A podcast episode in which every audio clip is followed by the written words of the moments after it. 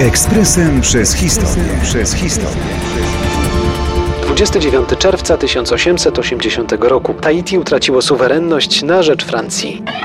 Najpierw szybka powtórka z geografii. Tahiti to wyspa leżąca w południowej części Oceanu Spokojnego, największa z wysp Polinezji Francuskiej. To wyspa wulkaniczna otoczona rafami koralowymi. Nic dziwnego, że dla pierwszych Europejczyków, którzy tam dotarli, wydawała się być rajem na ziemi. Polinezyjczycy byli pierwszymi mieszkańcami pewnie wiele by dali, by jakikolwiek Europejczyk nigdy nie zapędził się w ten rejon świata.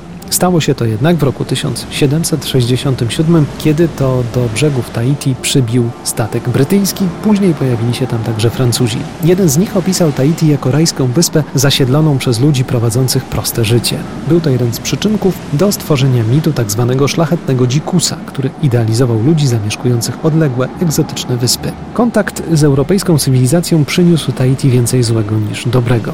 Wraz z białym człowiekiem pojawiły się zarazy, choroby weneryczne i alkohol.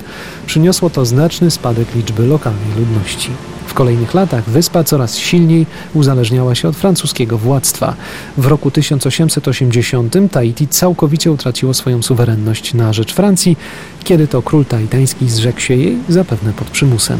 Z ciekawostek warto wspomnieć o tym, że w 1891 roku na Tahiti pojawił się słynny francuski malarz Paul Gauguin. Jego marzeniem była ucieczka od cywilizacji i spokojne obcowanie z niezwykłą miejscową przyrodą. Obecnie Tahiti żyje z turystyki, rybołówstwa i eksportu owoców egzotycznych. Mimo wielu szkód wyrządzonych lokalnej przyrodzie przez człowieka, krajobraz Tahiti nadal zachwyca i oszałamia. Ekspresem przez historię. Przez historię.